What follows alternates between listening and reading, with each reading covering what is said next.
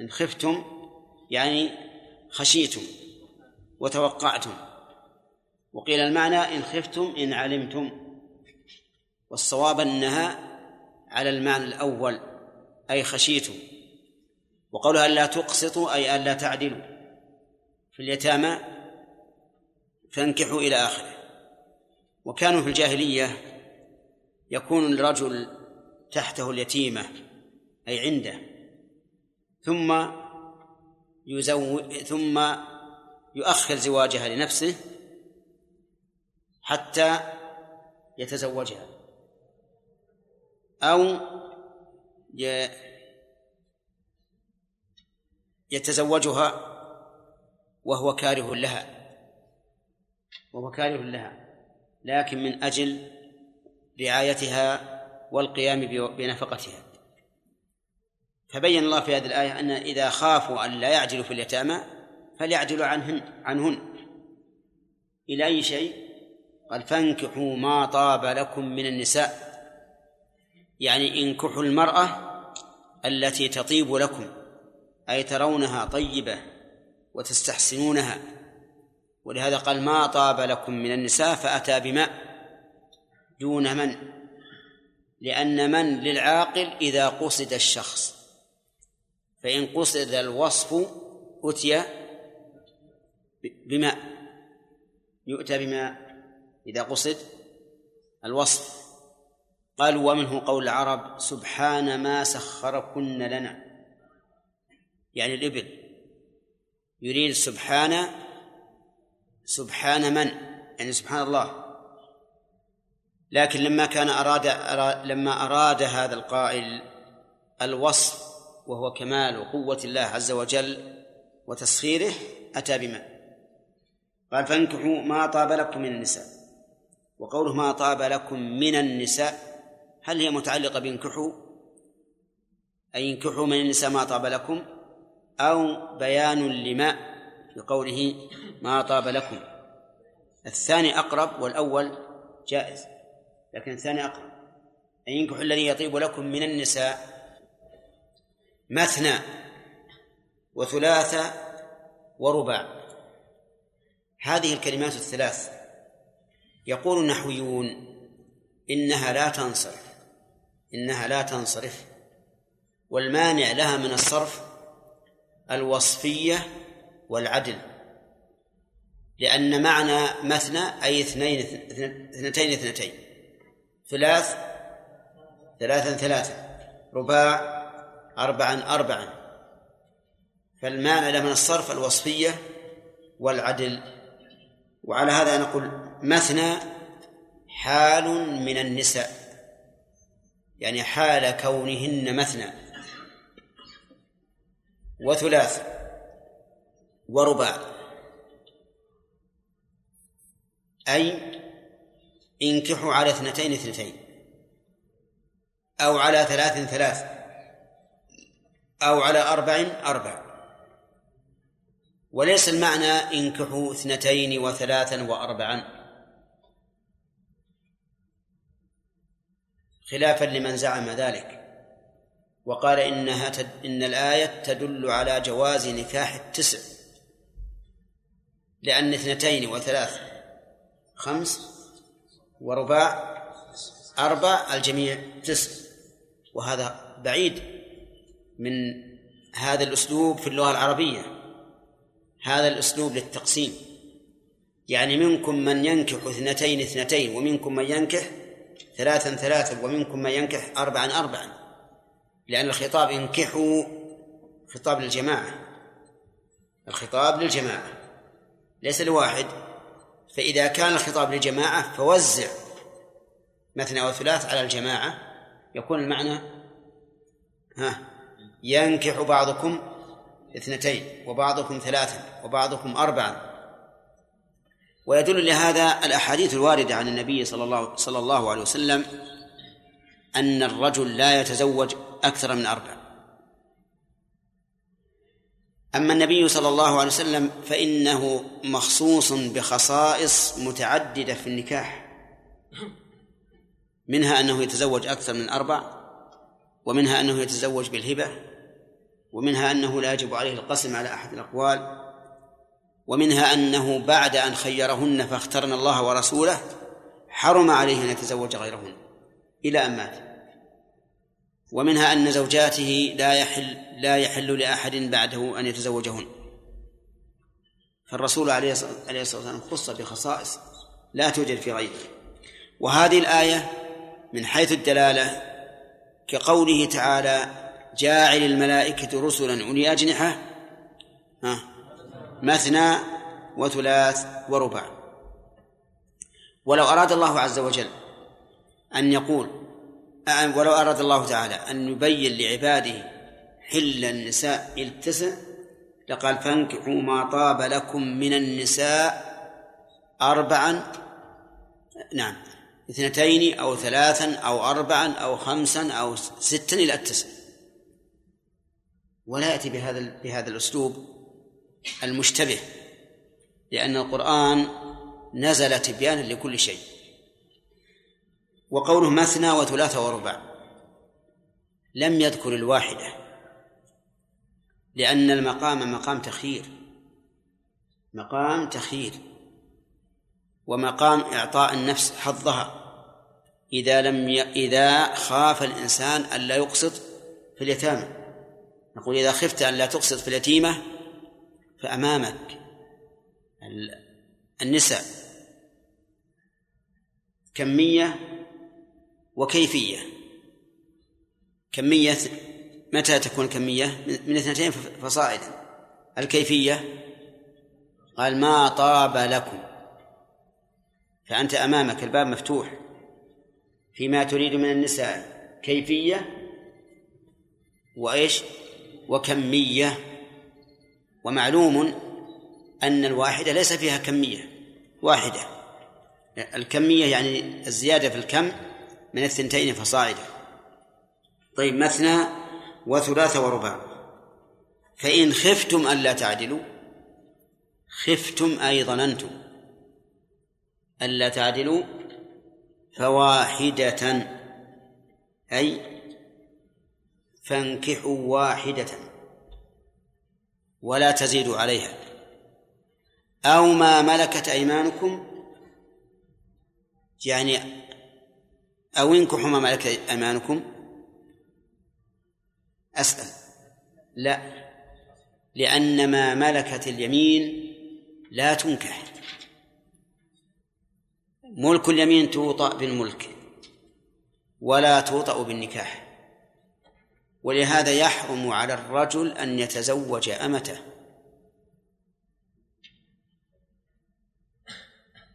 صح؟ يحرم على الرجل أن يتزوج أمته. ها؟ إيه نعم. يحرم أن يتزوج أمته. لأنه لأنها تحل له بعقد أقوى من النكاح وهو ملك اليمين. والأضعف لا يرد على الأقوى. الأضعف لا يرد على الأقوى. بخلاف العكس. فإنه يرد الأقوى على الأعلى على على الأضعف. لو اشترى الرجل زوجته انفسخ النكاح وحلت له بملك اليمين. عرفتم؟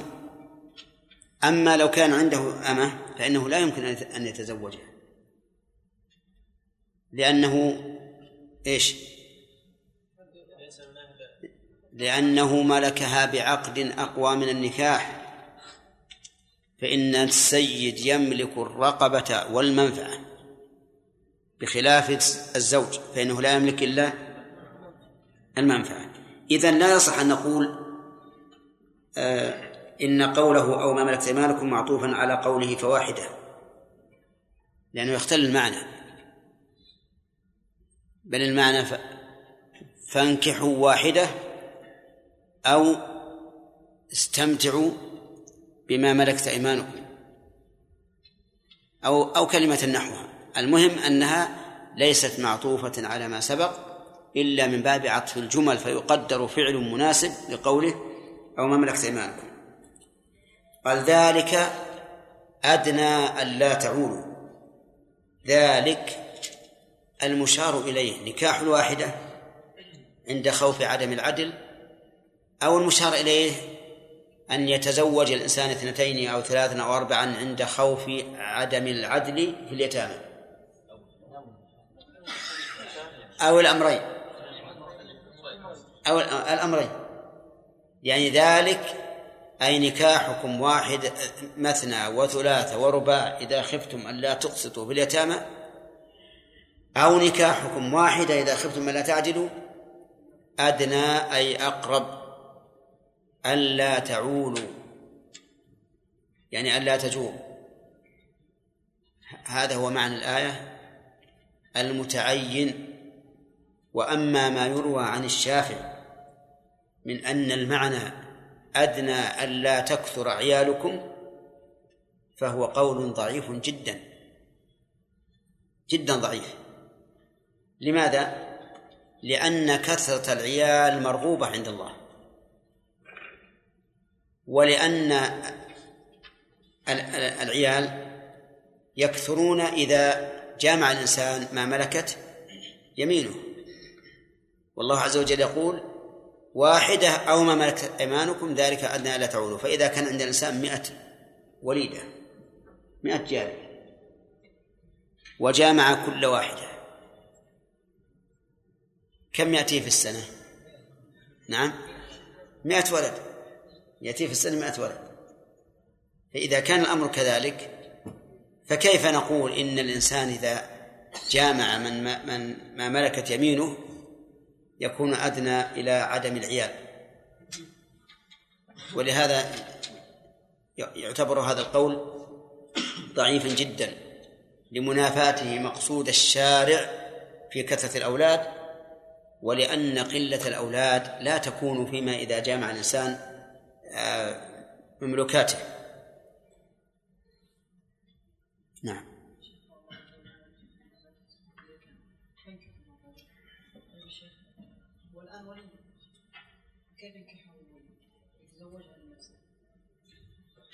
إي نعم. يصح وهو ولي. إي نعم. لو كان إنسان ابن عم امرأة وأراد أن يتزوجها فلا حرج.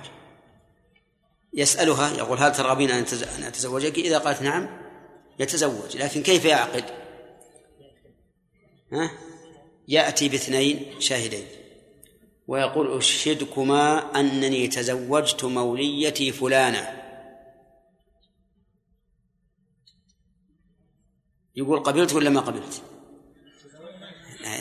ما يقول قبلت. أشهدكما أني تزوجت موليتي فلانة. نعم. أو زوجت نفسي موليتي فلانة.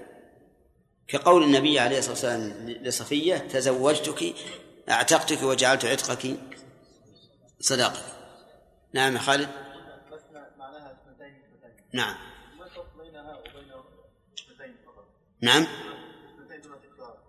إلا لأنه إذا صارت موزعة موزعة لازم نأتي بما يدل على التكرار. نعم ذا الملك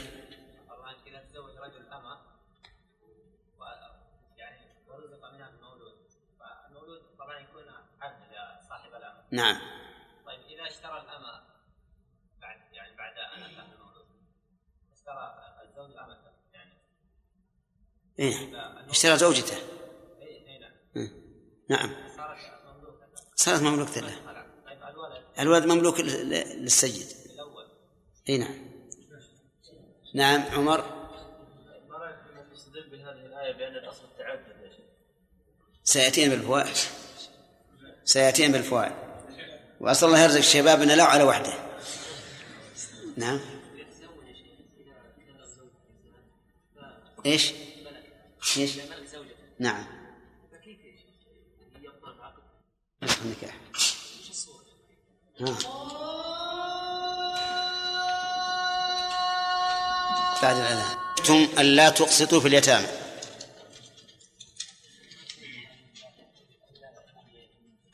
أن لا تعجلوا في معاملتهم. نعم. طيب. ما من هم اليتامى؟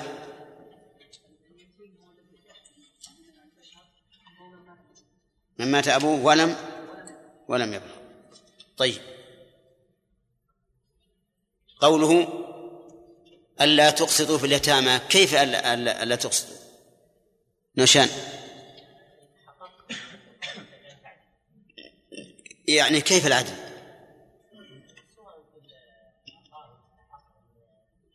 لا لأنه قال فانكحوا المسألة في النكاح.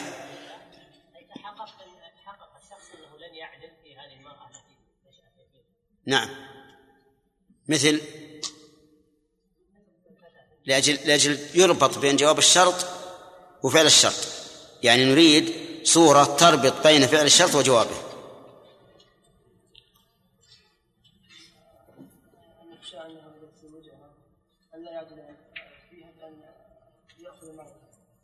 نعم. يعني اليتيمة تكون مثلا عند ابن عمها ويخاف أن لا يعدل فيها بأن لا يتزوجها بمهر المثل. يعطيها أنقص فبين الله عز وجل أن الباب مفتوح. فانكحوا ما طاب لكم من النساء إلى آخره. طيب. آه لماذا عبر بما دون من يا عبد المنان؟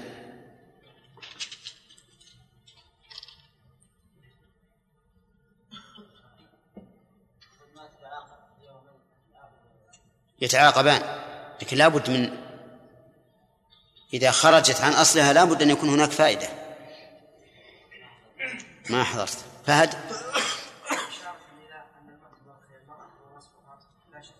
أحسن. نعم. طيب. قوله تعالى فإن خفتم أن لا تعدلوا. ها. خليل. إن خفتم أن لا تعدلوا فواحدة. يعني بين من؟ نعم. يعني؟ فلا. فانكحوا واحدة. طيب. في الآية دليل على عدم وجوب العدل بين الإماء. سعود. ها. لكن من أين يؤخذ من الآية؟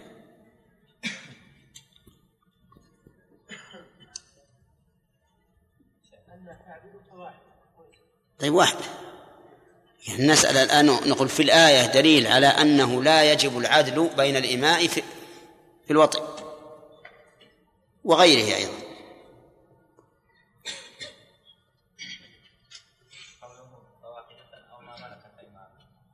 أو ما ملكت أيمانكم فدل هذا على أنه لا يجب العدل بين الإماء.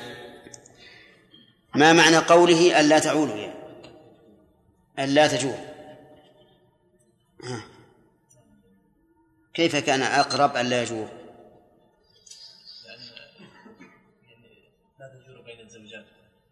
لأنه إذا اقتصر على واحدة إذا اقتصر على واحدة فليس معها من يجب العدل مع بينهما. أولى أقول لأنه إذا اقتصر على واحدة لم يجب عليه العدل لأنه ليس معها ثانية. طيب. وحينئذ لا يكون هناك جواب. وكذلك في فيما ملكت الأيمان لا يجب العدل فلو فلو مال إلى إحداهن. ها؟ فلا جواب لأنه لا يجب العدل. طيب. ثم قال عز وجل وآتوا النساء أظن أخذنا فوائد. ها؟ ما أخذناها. طيب. من فوائد الآية الكريمة إن خفتم أن لا تقصوا في اليتامى أنه يجب على الإنسان الاحتياط إذا خاف الوقوع في المحرم. لقوله إن خفتم أن لا تقصدوا في اليتامى فانكحوا ما طاب لكم من النساء يعني ولا تعرضوا أنفسكم للجور. ومن فوائد الآية الكريمة أنه ينبغي الإنسان أن يتزوج من تطيب نفسه بها.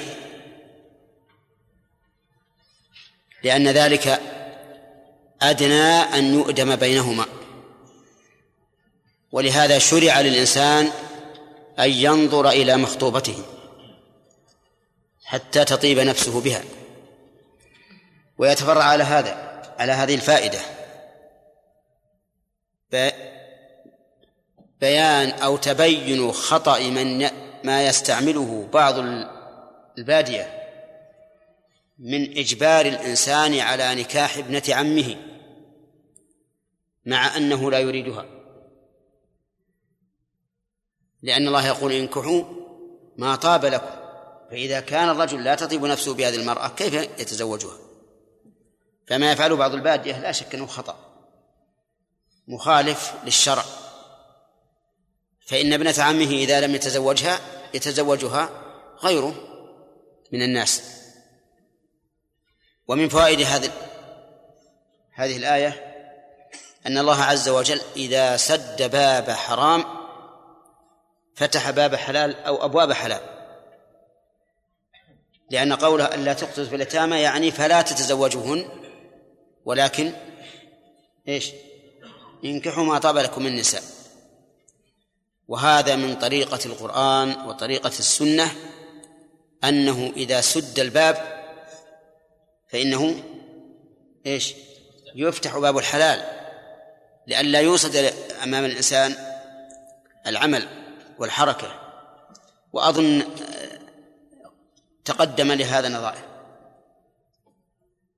أتينا عليها في الشرح. منها قوله تعالى يا أيها الذين آمنوا لا تقولوا راعنا وقولوا انظرنا. ومنها إرشاد النبي صلى الله عليه وسلم إلى بيع التمر الرديء بالدراهم ثم يشترى بالدراهم تمرا طيبا. ومن فوائد الآية الكريمة مشروعية التعدد في الزوجات. تأملوا معنا هل يؤخذ من هذه الآية مشروعية التعدد؟ ها؟ أو جواز التعدد.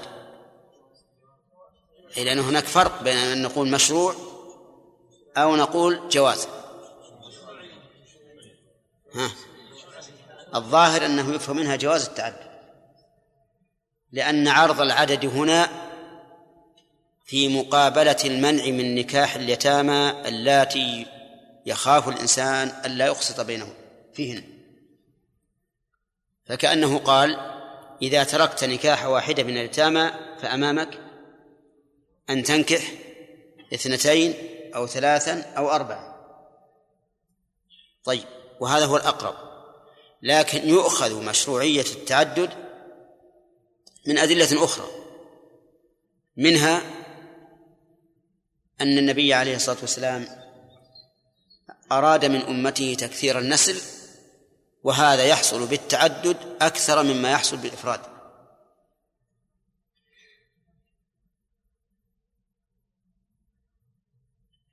وقد عرض علي بعض الناس قصاصة جريدة.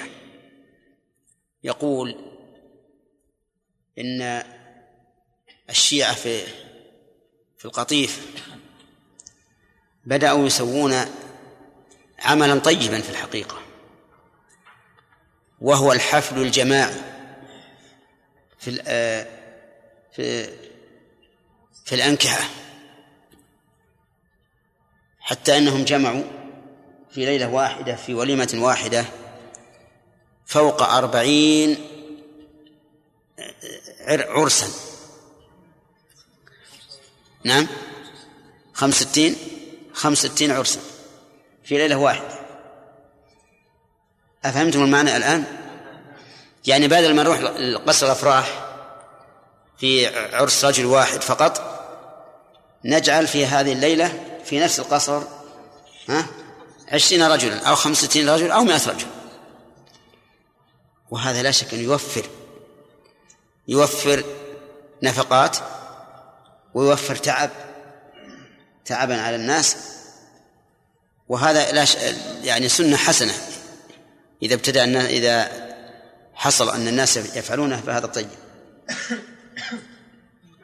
نعم؟ إيش؟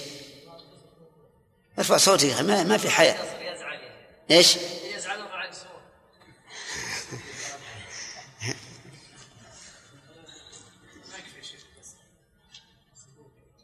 إيه ما يكفي القصر لأن الناس يدعون يدعون أمما. لكن إذا علمنا أن في هذا القصر أربعين واحد يتزوج نأخذ لهم أربعين غرفة وإذا لم يكن نحط خيام. ما نكثر المدعوين. بدل ما بدل ما يدعو الواحد منا 200 رجل يدعو 20 رجلا.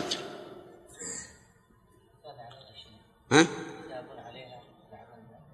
والله إذا إذا إذا أرادوا بهذا وجه الله أثيبوا عليه. لأن هذا من باب تخفيف المؤونة. وأعظم النكاح بركة أيسره مؤونة على كل حال هذا عاد مسألة ثانية. مسألة أخرى الذي تشير إليه. لكن الكلام أنه من سن في الإسلام سنة حسنة فله أجرها وأجر من عمل بها إلى يوم القيامة. طيب. نعود إلى ومن فوائد الآية الكريمة أنه لا يجوز تجاوز الأربع. لقوله مثنى وثلاث ورباع مع أن المقام مقام فتح باب للناس وتكثير ومنة ومثل هذا هذا الباب يذكر فيه أقصى ما يكون من المنة التي ليس وراءها شيء. ومن فوائد هذه الآية الكريمة تحريم الوسائل إلى المحرم. تحريم الوسائل إلى المحرم. لقوله فإن خفتم ألا تعدلوا فواحدة. فأوجب الاقتصار على الواحدة إذا خاف الإنسان عدم العدل. وهذه القاعدة قاعدة عظيمة في أصول الفقه أن للوسائل أحكام المقاصد.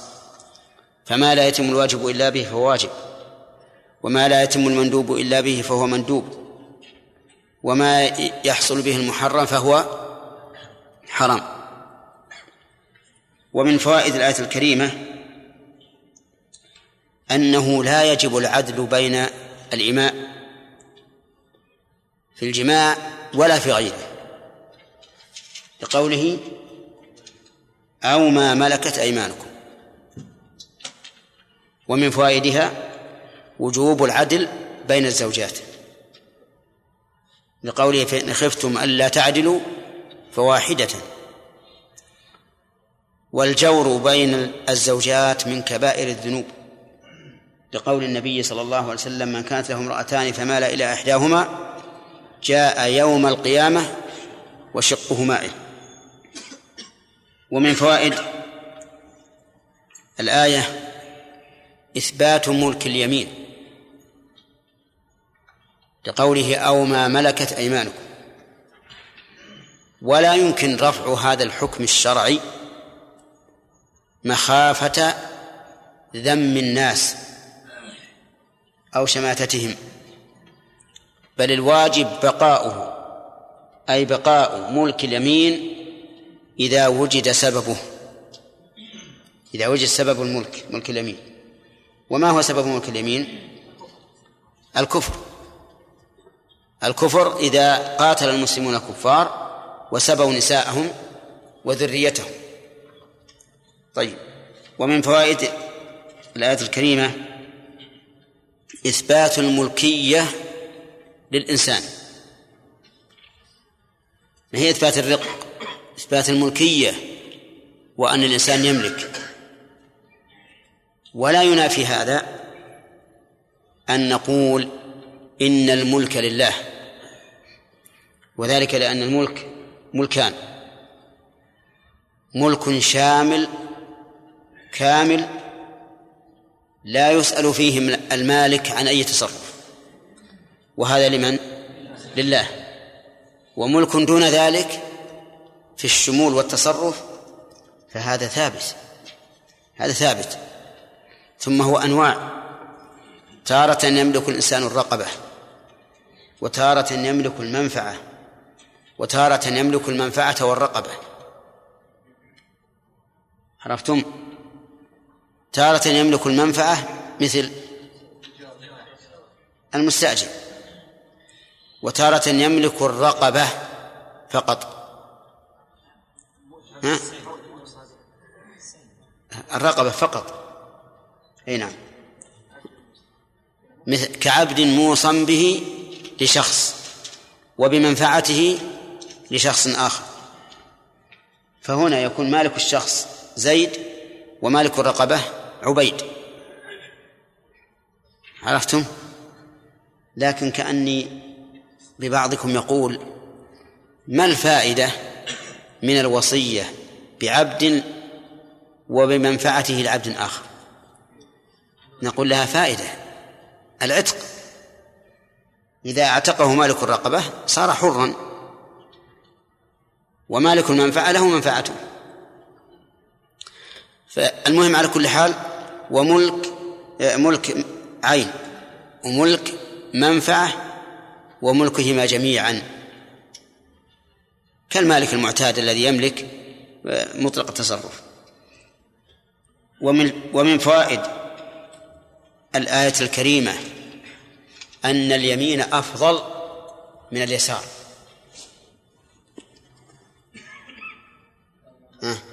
لأنه أضاف الملك إليها إليها. ولا شك أن اليمين أفضل من اليسار.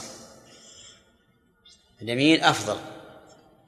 ولهذا تعد اليمين للإكرام واليسار للإهانة. الشيء الطيب يتناول باليمين والشيء الخبيث يزال باليسار. ومن فوائد الآية الكريمة تفاضل الأعمال. يعني بعضها أعلى من بعض في السوء وأدنى من بعض في الحسن. لقوله أدنى ألا تعود. ذلك أدنى ألا تعود. لأن الأدنى اسم تفضيل. فلا بد أن يكون هناك أدنى وما وما و و لا بد أن يكون هناك من فاضل ومفضول. ثم قال الله عز وجل وآتوا النساء صدقاتهن نحلة. آتوا أي أعطوا. والفرق بين أتوا وآتوا أن آتوا بمعنى أعطوا وأتوا بمعنى جاءوا. إذن آتوا بمعنى أعطوا وأتوا بمعنى جيئوا طيب آتوا النساء صدقاتهن. الخطاب في قوله آتوا هل هو للأزواج أو للأولياء؟ في المسألة في الآية قولان. القول الأول أنه للأولياء فيكون المعنى أن الله أمر الأولياء أن يعطوا النساء صدقاتهن بدون أن يأخذوا منها منهن شيئا. لأن العرب في الجاهلية إذا زوج الرجل ابنته أخذ المهر. ولم يعطها إلا ما تلبسه ليلة الزفاف. والباقي يأخذه يسلبه إياها. فأمرهم الله أن يؤتوا النساء صدقاتهن نحلة. والقول الثاني أن الخطاب للأزواج. أمرهم الله عز وجل أن يؤتوا النساء صدقاتهن عن طيب نفس بدون مماطلة. وبدون تكره وإذا كانت الآية تحتمل المعنيين بدون تناقض فما الواجب؟ حملها على الوجهين. فنقول الخطاب للأزواج وللأولياء. وآتوا النساء صدقاتهن. النساء يعني المتزوجات بدليل قول صدقاتهن. وصدقات جمع صدقة وهي المهر. وسمي بهذا الاسم لأن بذله دليل على صدق الطالب المرأة. وقوله نحلة أي عطية طيبة بها نفوسكم. يقال نحله أي أهداه هدية طيبة بها نفسه. وعلى هذا فزعم بعضهم أنها مفعول مطلق لقوله آتوا النساء. آتوا النساء فهي مثل قول القائل وقفت قياما أو جلست قعودا لأن آتى بمعنى نحل وآتوا بمعنى انحلوا والنحلة هي الهدية العطية عن طيب نفس. فإن طبن لكم عن شيء منه نفسا فكلوه. إن طبن يعني النساء. وقوله نفسا مصدر محول عن الفاعل. والمصدر المحول تارة يحول عن الفاعل كما في هذه الآية وتارة يحول عن المفعول به كما في قوله تعالى وفجرنا الأرض عيونا. يعني عيون الأرض. فإن طبنا لكم عن شيء منه من قيل إنها تبعيضية وقيل إنها بيانية فعلى الأول يكون المعنى إن طبن لكم عن بعضه وعلى الثاني يكون معنى إن طبن لكم عن كله أو بعضه لأن من بيان لمحل الحكم بقطع النظر عن كونه كله أو, أو عن كونه كله أو بعضه. إن طبن لكم عن شيء منه نفسا فكلوه. عبر بالأكل لأنه أخص وجوه الانتفاع إذ أن الأكل يغذي البدن وينمو به البدن. بخلاف اللباس وبخلاف المساكن وبخلاف المراكب. فإن منفعتها خارجية فاللباس كسوة خارجية ولكن الأكل كسوة داخلية. صح؟ الأكل كسوة داخلية؟ ها؟ منفعة نعم صحيح منفعة لكن هي كسوة أيضا. قال الله تعالى إن لك ألا تجوع فيها ولا تعرف وأنك لا تظمأ فيها ولا تضحى. التناسب بين الظمأ والضحى اللي هو حرارة الشمس واضح وبين الجوع والعري واضح لأن الجوع لأن الشبع كسوة الباطن المعدة فاضية ما فيها شيء. عارية. فإذا دخلت الطعام فيها غطاها وكساها فهو كسوة باطنية. على كل حال إذا طاب نعم كلوه هنيئا. أقول عبر بالأكل لأنه أخص وجوه الانتفاع لأن منفعته للبدن مباشرة. ينمو بها البدن بخلاف اللباس وبخلاف المسكن وبخلاف المركوب. فإنها منفعة خارجية. وقوله هنيئا أي حين الأكل. مريئا أي بعد الأكل. فالمريء محمود العاقبة والهنيء سهل سهل المساغ نعم. وأضرب لكم مثلا يبين إذا أعطينا شخصا من غير أهل جدة سمكة. وأراد يأكلها. نعم. يمكن إذا أكلها يكح عشر مرات قبل أن تصل إلى معدته.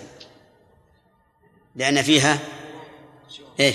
شوكا وزعانف وما أشبه ذلك مما يغصصه بها. هل هذا الأكل هني ولا غير هني؟ غير هني. لكن الجداوي تسمع صريخ عظامها بين أسنانه.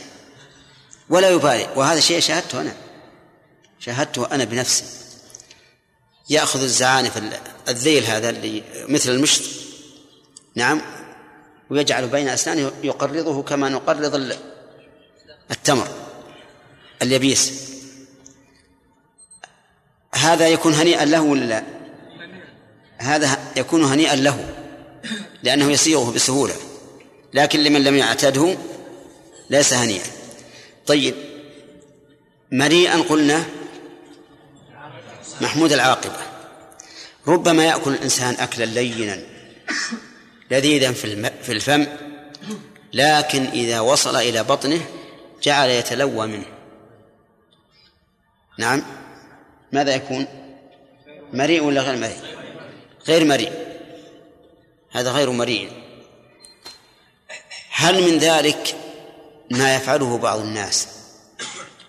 يكون الطعام حارا يشوي يده ثم يشوي فمه ثم يبتلع بسرعة ثم يشوي بطنه. هذا ليس محمود العقل لأنه يضره. لكن بعض الناس سبحان الله ما ما يهم هذا الشيء. والذي ينبغي أن يأكل الإنسان أكلا يكون محمود العاقبة يكون مريئا. ولهذا قال بعض الناس كلمة أعجبتني. قال كل ما يلذ لبطنك لا ما يلذ لا ما يلذ لفمك. صحيح؟ أحيانا الإنسان يأكل الطعام طعمه طيب وحلو. لكن إذا وصل إلى إلى البطن أوجع البطن. إما لكون البطن مملوءا من قبل أو لسبب ما. ولهذا قال الشيخ الإسلام رحمه الله إن الطعام يكون حراما إذا خاف الإنسان منه الأذى أو التخمة. يكون حراما يحرم أن يأكله إذا خاف الأذى أو التخمة. الأذى بإيش؟ الأذى بالأكل. يحمل بطنه وقد ملأه. يتعب حتى إذا جلس يمكن ما يجلس لا يجلس إلا متربعا من شدة ملء البطن.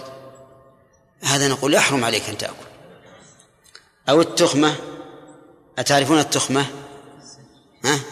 ما هي؟ لا. التغير. التغير نحن نسميها غيرة. نعم. أو غيرة. كطيرة يعني التغير. والتغير الحمد لله الآن لطيب المآكل قليل جدا. لكن فيما سبق لما كانت المآكل ليست بذاك الطيبة يجد الإنسان التخمة يصير إذا تجشى يظهر منه رائحة خبيثة وربما يصاب بمرض. ها؟ أي يسمونها المر على كل حال أنا يعني استطردنا كثيرا. شيخ الإسلام رحمه الله يقول إن الإنسان إذا خاف من الأكل الأذى أو التخمة فإنه يحرم عليه. وما قاله له وجه. لكن مع الأسف أن الآن نأكل كثيرا ثم إذا ملأنا البطون ذهبنا نطلب المهضم. أليس كذلك؟ بل إني بعض الموائد أجد فيها يصفون فيها البيبسي وما أشبهه. من أجل من يوم يأكل يشرب هذا. نقول لا لا تكلف نفسك. كل أكلا معتادا. وحدثني إنسان طبيب كان عندي في الأسبوع الماضي. طبيب أمريكي أسلم. يقول أنا أسلمت على حديث واحد وعلى آية واحدة قلنا ما هي؟ قال الحديث حسب ابن آدم لقيمات يقمن صلبه فإن كان لا محالة فثلث لطعامه وثلث لشرابه وثلث لنفسه. يقول هذا أصول الطب هذا أصول الطب. ولو أن الناس نفذوه ما كاد يمرض أحد. أما الآية فهي قوله تعالى يا أيها الذين آمنوا إذا قمتم إلى الصلاة فاغسلوا وجوهكم وأيديكم إلى المرافق وامسحوا برؤوسكم وأرجلكم إلى الكعبين يقول هذه الأعضاء التي هي بارزة ظاهرة تتعرض للغبار تتعرض للأوساخ تتعرض لكل شيء. إذا غسلت في اليوم والليلة خمس مرات نعم فقط نظيفة. إذن الإسلام دين النظافة ودين الحمية وهذه أصول الطب. فقلنا له بعد فيه شيء آخر غير هذا إن الطهارة هذه تطهر الأذى المعنوي وهو الذنوب لأنه يغفر للإنسان في آخر قطرة من من قطراته. لكن هذه لا يعرفها الكفار. الكفار ليس لهم إلا الظاهر. فأقول إننا لو لو جربنا لو أسبوعا واحدا ألا نأكل كثيرا. ولكن قد يقول قائلكم أنا إذا لم آكل كثيرا جعت قبل أن تأتي الوجبة الأخرى. صح؟ ماذا نقول؟ نقول كل نقول كل. وحدثني بعض الناس ما هو كل واحد يا ولد. حدثني بعض الناس آه، أن الدول التي تسمي نفسها الدول الراقية يأكلون في اليوم والليلة خمس وجبات. ليش؟ لأنهم ما يكثرون. يأكلون ثم إذا جاعوا أكلوا. ثم إذا جاعوا أكلوا. ولو أنكم تجربون لمدة أسبوع والليلة الأربعاء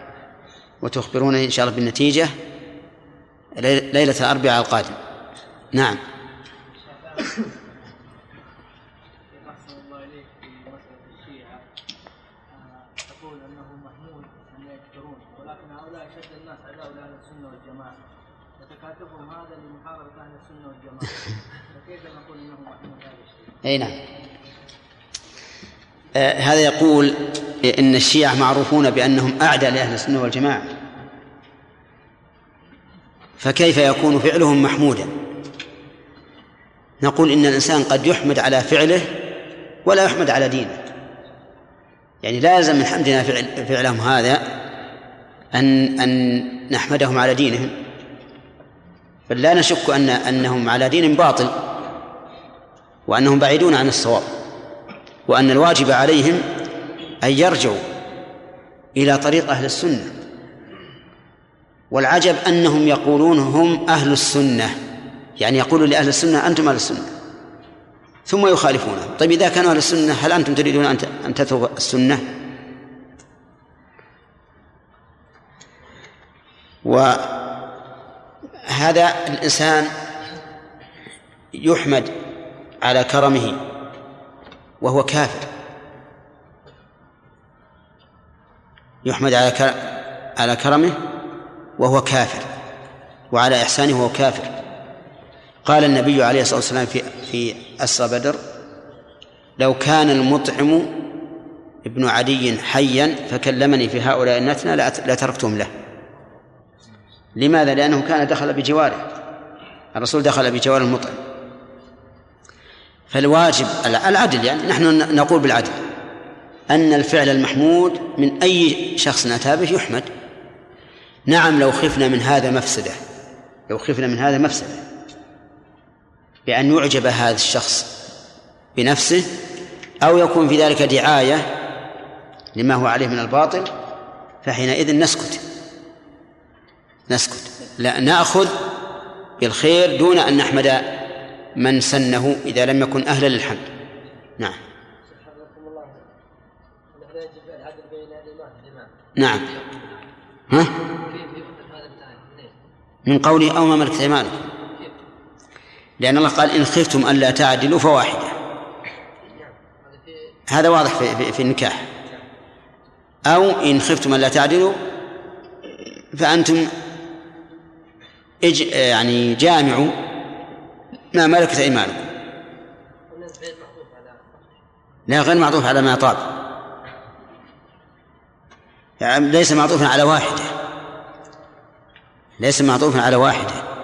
لأن من نكح ملك اليمين وجب عليه العدل.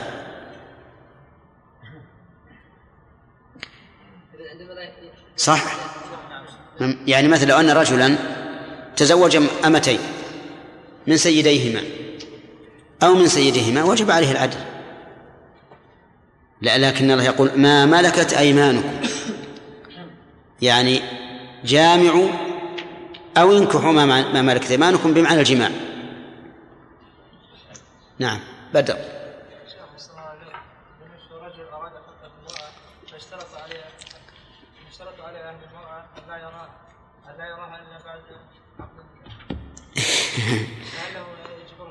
سهل. إذا اشترطوا عليها يراها إلا بعد عقد النكاح ما منه هذا أي ما اشترط يعني طلب منه. طيب أن يراها قبل قبل العقد؟ ها. لا ما له يجبرهم كيف يجبرهم؟ ها؟ اي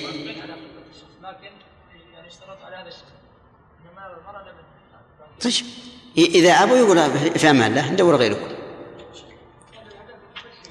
نعم. وش العادات صحيح هذا كان الناس بالأول ما يراها أبدا الخاطئ. نعم.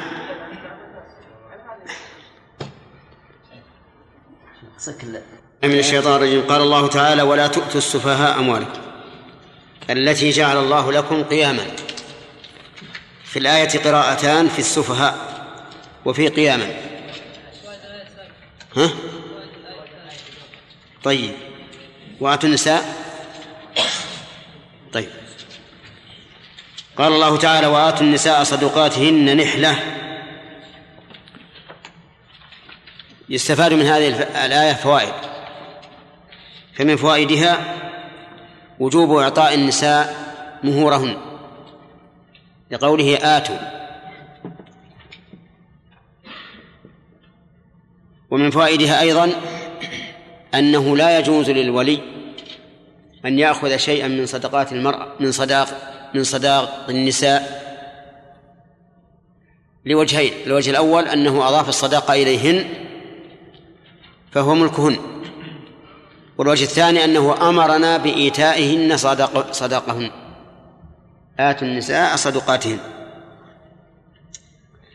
وهذه المسألة اختلف فيها العلماء. فمنهم من قال يجوز للأب خاصة أن يتملك مما أن يشترط لنفسه أن يشترط لنفسه من مهر ابنته ما شاء. وقال بعض العلماء لا يجوز لا للأب ولا لغيره أن يشترط لنفسه شيئا من المهر. والذي تؤيده السنة أنه لا يجوز أن يشترط الولي لنفسه شيئا من المهر سواء كان الأب أم غيره. لكن إذا تم العقد وأراد الزوج أن يعطي الأب أو غيره من الأولياء أو الأم أو الخالة أو ما أشبه ذلك شيئا من الإكرام فلا بأس به كما دلت على ذلك السنة. أما ما كان قبل العقد فكله للمرأة ولا يحل لأحد أن يشترط منه شيئا لنفسه. ومن فوائد الآية الكريمة أنه يجب إعطاؤهن الصداق على وجه النحلة يعني الهدية التامة. فلا يكون فيه منة في المستقبل. ومن فوائد الآية الكريمة جواز إسقاط المرأة شيئا من المهر أو رده إن كانت قد قبضته. لقوله فإن طبن لكم عن شيء منه نفسا فكلوه هنيئا مريئا. ومن فوائدها أنه لو أسقطت شيئا خجلا أو حياء فإنه لا يحل قبوله. لقوله فإن طبن لكم عن شيء منه نفسا فكلوه. ولهذا قال العلماء إذا أهدى إليك شخص هدية وأنت تعلم أنه إنما أهدى حياء وخجلا فإنه لا يجوز أن تقبلها منه. لأن هذا كالإكراه.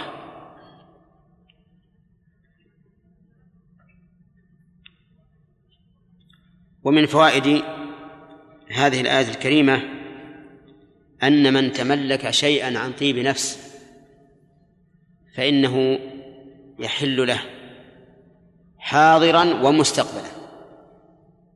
لقول هنيئا مريئا هنيئا حين الأكل مريئا بعد الأكل. ومن فوائد هذه الآية الكريمة أنه لا يحل أخذ شيء من مال الغير بغير طيب النفس بغير طيب نفس منه. لأن الله اشترط لحل أكله أن يكون عن طيب نفس. وقد جاءت بذلك السنة صريحة. لا يحل مال امرئ مسلم إلا عن طيب نفس منه. وكذلك جاء في القرآن. يا أيها الذين آمنوا لا تأكلوا أموالكم بينكم الباطل إلا أن تكون تجارة عن تراض منكم. ثم قال تعالى ولا السفهاء أموالكم. هذا مبتدأ درس اليوم الجديد. قال ولا تؤتوا السفهاء أموالكم. السفهاء أموالكم فيها قراءتان. القراءة الأولى بهمزتين محققتين. السفهاء أموالكم. والقراءة الثانية بحذف إحدى الهمزتين. السفهاء أموالكم الأولى على الأصل والثانية للتخفيف. وكذلك قوله قياما فيها قراءتان. قياما وقيما. والمعنى واحد. يقول الله عز وجل ولا تؤتوا السفهاء أموالكم. أي لا تعطوهم لا تعطوا السفهاء. والسفهاء جمع سفيه وهو من لا يحسن التصرف. إما لقلة في سنه وإما لقصور في عقله ورشده. هذا هو السفيه. والسفه يكون في الأموال ويكون في الأعمال. كما قال تعالى ومن يرغب عن ملة إبراهيم إلا من سفه نفسه. فمن رغب عن ملة إبراهيم الحنيفية السمحة فهو سفيه وإن كان من أرشد الناس في تصرفه في ماله. يقول أموالكم التي جعل الله لكم قياما. أموالكم. أضاف الأموال إلى إلينا. فاختلف العلماء. هل المعنى لا لا تؤتوا السفهاء أموالكم الخاصة بكم لأنهم سوف يضيعونها بغير فائدة فتفوت عليكم وتفوت عليهم. وقال بعض العلماء بل المراد بذلك أموالهم هم لكنه أضافه إلينا من أجل الولاية. فكأننا بولايتنا على هذا المال نملك هذا المال. طيب. والآية صالحة للوجهين. ومن قواعد التفسير أن الآية إذا كانت صالحة لوجهين لا يتنافيان فإنها تحمل عليهما. وقولها التي جعل الله لكم قياما جعل هنا بمعنى صير يعني جعلها الله لنا قياما الأموال. تقوم بها مصالح ديننا ومصالح دنيانا. فكم من أسير فك بالمال وكم من ضرورة أزيلت بالمال وكم من يتيم جبر قلبه بالمال.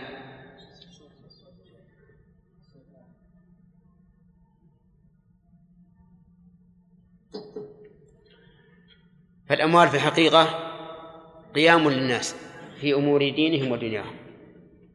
حتى إن الله سبحانه وتعالى يقدم الجهاد بالمال على الجهاد بالنفس. لأن ضرورة الجهاد للمال أكثر من ضرورتها للنفس. حتى الذي يجاهد بنفسه محتاج للمال.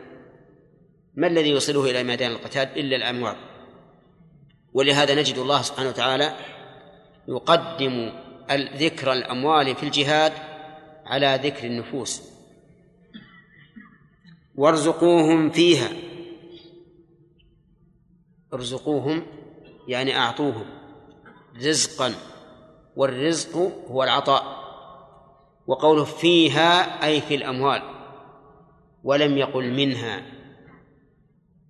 إشارة إلى أنه لا بد أن يكتسب الولي بمال هؤلاء السفهاء حتى يكون الرزق فيها لا منها وفرق بين الرزق فيها والرزق منها لأنه لو لم يتجر فيها ويكتسب صار العطاء إيش؟ منها.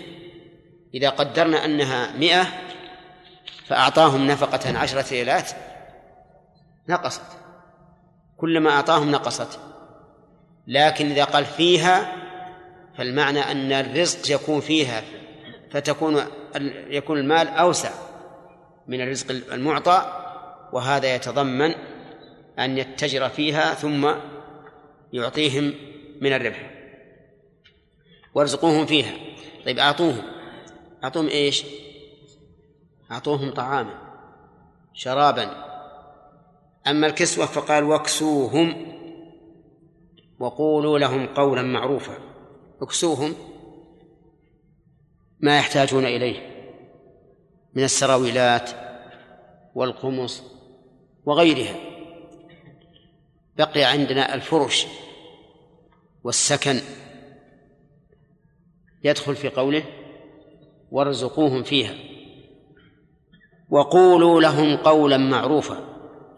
أي حين إعطائكم إياهم وكسوة وكسوتهم إياه وكسوتكم إياهم قولوا لهم قولا معروفا أي قولا يكون لينا هينا. ولا تشبخوا بأنفسكم بآنافكم عليهم وتمنوا عليهم لأن ذلك خلاف الولاية الحقيقية. فمثلا إذا جاء السفيه يقول أعطني أكسني. لا لا لا تقل له قولا غير. لا تقل ما أمداك تقطع ثوبك ما أمداك تهضم طعامك. وما أشبه ذلك من الكلمات النابية لأن المال مالهم. وإن كان مالكم فإنه لا ينبغي لكم أن تمنوا بما أعطيتم. من فوائد هذا الحديث هذه الآية الكريمة. تحريم إعطاء السفهاء الأموال سواء لهم أو لنا على الوجهين. لقوله ولا تؤتوا السفهاء والنهي للتحريم لا سيما إذا قرن النهي بما يفيد العلة وهي السفهاء. كأنه قال لا تؤتوهم لسفههم. لأنهم إذا أعطيتموهم وهم سفهاء أضاعوا المال. ومن فوائد هذه الآية الكريمة ذم السفه وأنه سبب للحيلولة بين الإنسان وبين ماله. ومن فوائد هذه الآية الكريمة أن السفه موجب للحجر على الإنسان في ماله. وقد قسم العلماء رحمهم الله الحجر إلى قسمين. قسم لحظ الغير وقسم لحظ النفس. أما الأول فمثل أن يستغرق أن تستغرق ديون الإنسان ماله. ففي هذه الحال يحجر عليه. لماذا؟ لحظ الغير فإذا كان الإنسان عليه ديون أكثر من ماله وطلب الغرماء وأن يحجر عليه حجر عليه. وإن لم يطلبوا فإنه يحرم عليه أن يتصرف تصرفا يضر بالغريم وإن فعل لم ينفذ التصرف. ولهذا لو لو وقف الإنسان الذي ديونه أكثر من ماله لو وقف شيئا من ماله لم ينفذ الوقف. لماذا؟ لأنه تعلق به حق الغير. هذا هو القول الراجح في هذه المسألة وهو اختيار الشيخ الإسلام ابن تيمية رحمه الله. أما المشهور من المذهب فإن تصرفه نافذ ما لم يطلب الغرماء أو بعضهم الحجر عليه فإن طلبوا الحجر عليه حجر عليه ومنع من التصرف في ماله. القسم الثاني من الحجر الحجر لحظ النفس وهو ما كان سببه السفة أو الصغر أو الجنون. فالمجنون يحشر عليه في ماله والصغير يحشر عليه في ماله والسفيه يحشر عليه في ماله الذي لا يحسن التصرف. طيب هذا الحجر لحظ المحجور عليه وليس لحظ الغير. فإذا قال المحشور عليه هذا مالي دعوني أتصرف فيه بما شئت قلنا لا يمكن لأنك سفيه وإذا حجرنا عليك فسوف تفسد المال.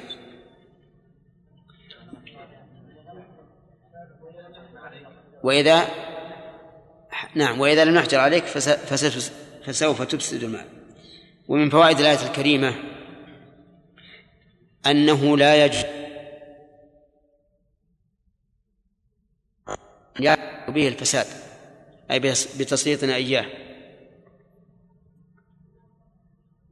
فلو أن أحدا أعطى مجنونا عصا قلنا هذا حرام عليك. لأنك إذا أعطيته عصا فسوف يخرج يضرب به الناس. وإذا كان السفيه ينهى عن إعطائه المال فكيف بالمجنون؟ فإذا قال قائل ما ضابط السفه الذي يحصل به الحجر؟ فالجواب أن أهل العلم قالوا إن السفيه هو الذي يبذل ماله في الحرام أو في غير فائدة. فالأول كالذي يبذل ماله في الخمر والمخدرات وما أشبهها هذا سفيه يحجر عليه. أو في غير فائدة كالذي يصرف ماله في المفرقعات أو في الفقاعات أو ما أشبه ذلك. أو يشتري زيتا أو بنزينا ويولع فيه النار ويتفرج عليها فقط. هذا سفيه ولا ولا رشيد؟ هذا سفيه. نعم فيحجر عليه. ومن فوائد هذه هذه الآية الكريمة حكمة الله عز وجل في المال الذي أعطاه الله عباده وهو أنه قيام للناس في مصالح دينهم ودنياهم. ومن فوائد هذه الآية الكريمة أنه إذا كان المال قياما للناس في مصالح دينهم ودنياهم فإنه يحرم أن يصرف في غير ما فيه قيام دينهم ودنياهم. لأن الله جعله قياما تقوم به مصالح الدين والدنيا. صلح هذا.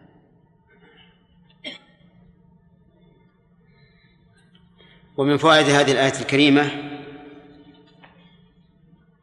أنه يجب على ولي اليتيم على ولي السفيه أن يتصرف في ماله بما يحصل به الفائدة لقوله وارزقوهم فيها. ومن فوائدها أيضا أنه يجب أن يرزقوا ما يحتاجون إليه من طعام وشراب وغير ذلك لأن الأمر يقتضي الوجوب لا سيما وأنه متعلق بحق الغير. ومن فوائدها أيضا أنه يجب على من ولاه الله على أحد أن لا يغلظ له القول بل يقول له القول المعروف حتى يجمع بين الإحسان القول والفعل. ثم قال تعالى وابتلوا اليتامى حتى إذا بلغوا النكاح. ابتلوا أي اختبروا. واليتامى جمع يتيم وهو كل من مات أبوه قبل بلوغه أي قبل بلوغ الطفل أو بلوغ الأب. نعم؟ نعم قبل بلوغ الطفل. نعم؟ من مات أبوه قبل بلوغه أي بلوغ الطفل. أليس كذلك؟ نعم. وقوله حتى إذا بلغوا حتى, حتى هنا ابتدائية. أي اختبروهم واستمروا في الاختبار حتى إذا بلغوا النكاح فإن آنستم منهم رشدا فادفعوا إليهم أموالهم.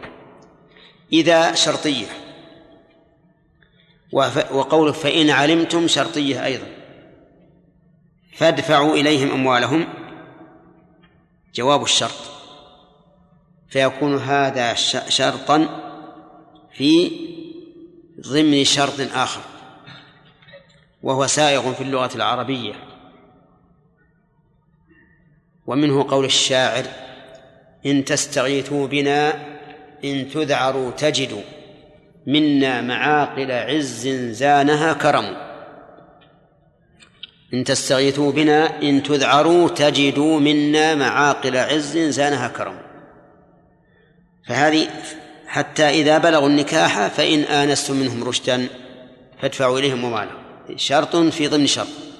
وقول فإن آنستم أي أبصرتم. ومنه قوله نسى من جانب الطور نارا أي أبصر. وقول رشدا الرشد في كل موضع بحسبه. فالرشد ولكنه يجمع يجمع جميع معانيه كلمة واحدة وهي حسن التصرف. هذا هو الرشد. إن كان في المال في أن فبأن يبيع الإنسان ويشتري مرارا ولا يغبن إلا بما جرت به العادة. منه. والله منتهيا عما حرم الله. وإن كان في التصرف للغير فأن يكون حسن الولاية. ومنه الرشد في في في ولاية النكاح. وأن يكون عالما بالكفر ومصالح النكاح. إذن الرشد يا عباد الله. في كل موضع بحسبه. إن ما المراد به هنا رشدا؟ أي تصرفا صحيحا في أموالهم. فادفعوا إليهم أموالهم. أي أعطوهم إليها إياها. وقولوا فادفعوا إليهم يعني أوصلوها إليهم. ولا تقول إيه خذوا أموالكم. أنتم ادفعوها إليهم وسيأتي أن هذا الولي له الأجرة أو الأكل بالمعروف حسب ما تقتضيه الحال. ولا تأكلوها أي أموالهم إسرافا وبدارا أي يكبروا. قول إسرافا يجوز أن تكون مفعولا مطلقا أي أكل إسراف. والإسراف هو مجاوزة الحد وهو أيضا في كل موضع بحسبه. وقول بدارا أي مبادرة. فهي من بادر بمعنى استاجر الشيء. وقول أن يكبروا أي بدارا لكبرهم. يعني تبادر كبرهم. لأنهم إذا كبروا زالت الولاية عليهم وصاروا رشيدين. فربما يأكل بعض الأولياء أموالهم على وجه الإسراف أو على وجه الاقتصاد ولكن يبادر. ولهذا لا يقول قائل إن الكلمتين مترادفتان بل نقول الإسراف مجاوزة الحد. فمثل إذا كان يكفيه عشرة أخذ خمسة عشر. وبدارا يعني أن يأكل بلا إسراف لكن يبادر. يبادر بالأكل قبل أن يكبروا ومن كان غنيا فليستعفف. من كان من من الأولياء غنيا لا يحتاج إلى مال. إلى مال اليتيم فليستعفف أي فليكف عن الأكل. ومن كان فقيرا فليأكل بالمعروف.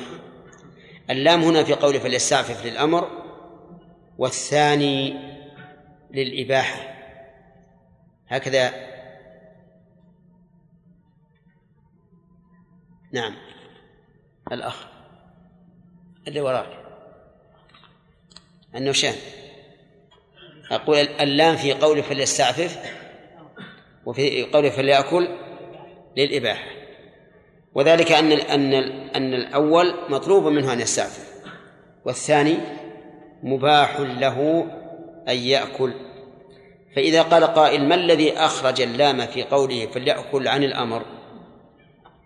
قلنا لأنها أعقبت النهي وهو قوله ولا تأكلوها إسراف وبدار. والأمر بعد النهي إيش؟ لرفع الحظر. يعني إما للإباحة على قول بعض العلماء أو لرفع الحظر. وهنا إذا رفع الحظر فهو مباح. ومن كان فقيرا فليأكل بالمعروف أي فليأكل أكلا بالمعروف أي بما جرى به العرف. فلا يأكل أكل الأغنياء وإنما يأكل أكل مثله. مثال ذلك إذا كان فقيرا فقال أنا أنا سآكل أكل الأغنياء لأنني ولي عليه. قلنا لا يجوز. كل بالمعروف.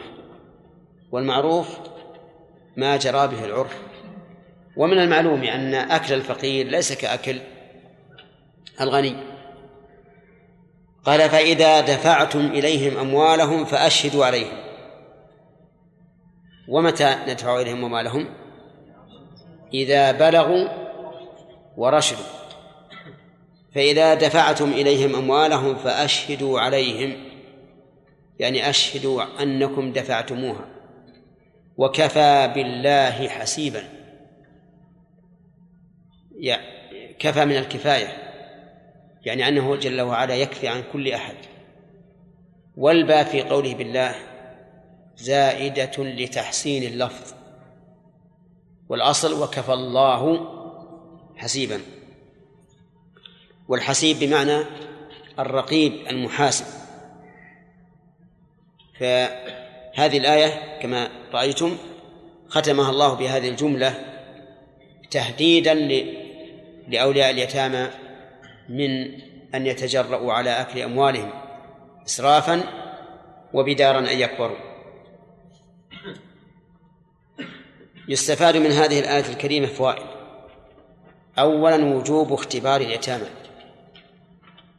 لقوله وابتلوا اليتامى. ثانيا العمل بالتجربة. العمل بالتجربة. من أين تؤخذ العمل يؤخذ العمل بالتجربة؟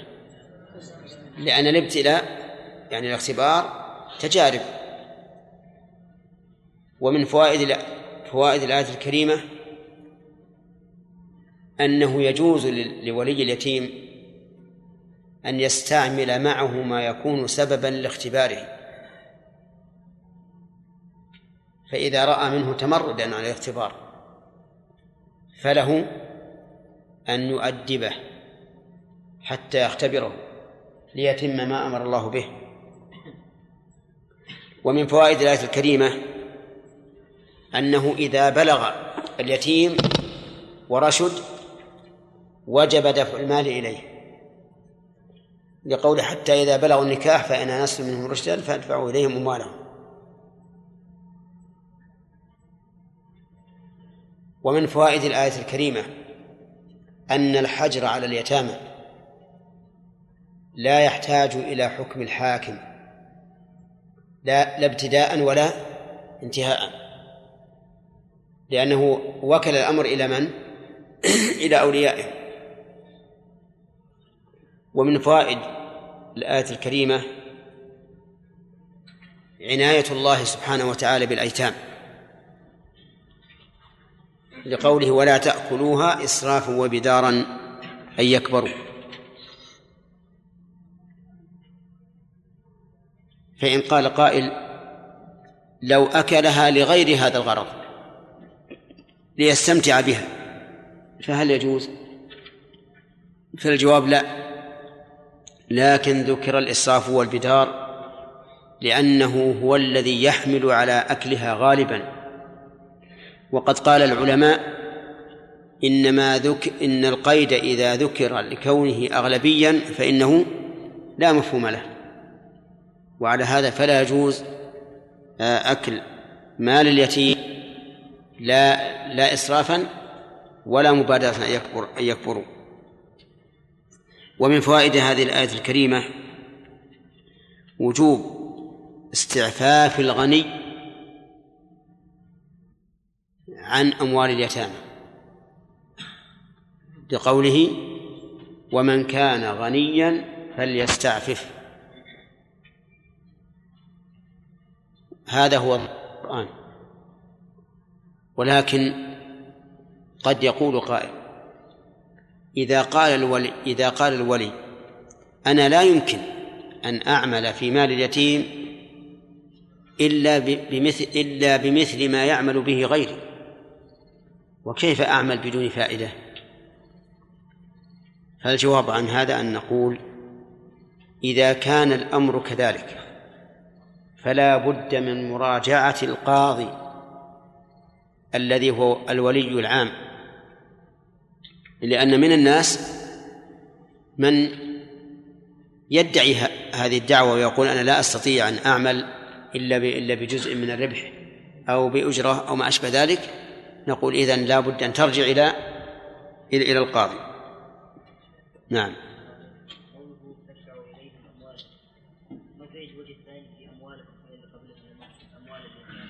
نعم. لا الأولى السفهاء. الآية الأولى ما هي باليتامى نعم محمد.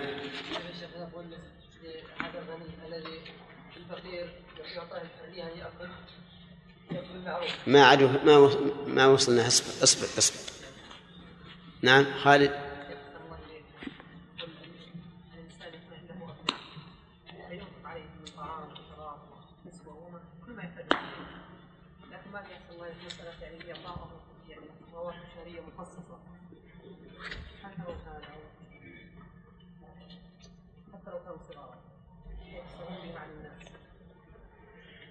الصغار ما لا يجوز أن أن يسلطهم على المال نعم. إي لكن لكن يفسدها. اخشى يفسدها بشرب حار. هذه مشكلة. له على كل حال ما جرت به العادة لا لابد هذا نفقة يصير. هذا من باب الإنفاق. يعني افرض إن الطالب إنه لا راح يبي له على ما يسمونه فسحة.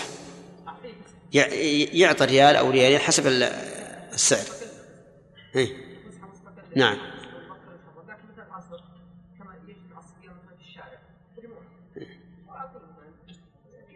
لا ابدا الأحسن لا لا تعطيه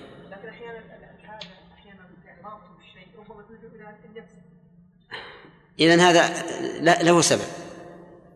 له سبب إذا أعطيته خوفا من فساده هذا له سبب. هي في الحقيقة الأصل لا يعطى. الأصل لا يعطى. نعم.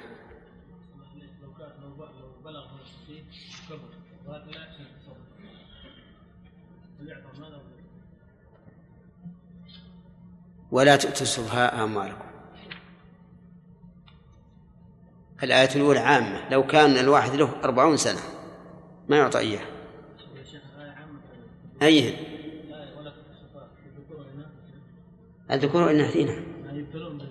ما دام العلة السفة. يعني لا تتسفى أموالكم لسفههم.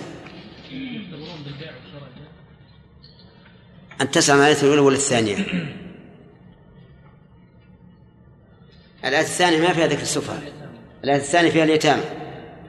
يختبر اليتيم. لكن المرأة ما تختبر بالبيع والشراء لأنها ليست من أهله تختبر بحاجات البيت. إذا عرف ضبطها لحاجات البيت نعم هذا فهي رشيدة. إذا عرف أن سفيهة إذا عجنت العجين أعطته البقرة. إذا صلحت الشاهي نعم صبته على البلاط. وهكذا. ما ما تكون هذه رشيدة. نعم. الإباحة نعم. الأمر الأمر. الأمر اللام الأمر وهو الإباحة الإباحة ولام فليستعفف الأمر ما الفرق بينهما بما أن جميع اللامين جاءت بعد النهي بعد النهي لا تأكل لا تأكلوا إسرافا أو لا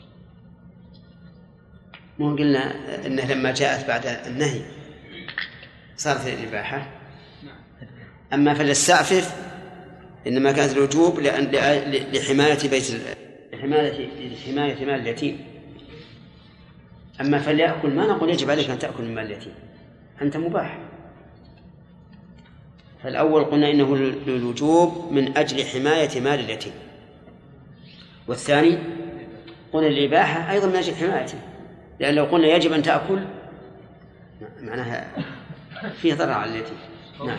ها؟ وكفى بالله. الباء هنا زائدة. زائدة لتحسين اللفظ نعم. وعكس عكس الزائد الناقص. فهل يرد هذا في كتاب الله ناقص وزائد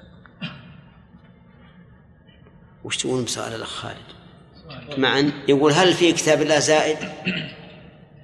في فائدة نعم. لغة. نحن ذكرنا ذلك. وقلنا يا خالد إن الزائد زائد. ما سمعت؟ قلنا إن الزائد زائد. نعم ولكن يعني كتاب الله عز وجل ما في شيء يعني الزائد يكون بلا أي الزائد فيه يكون يكون زائدا.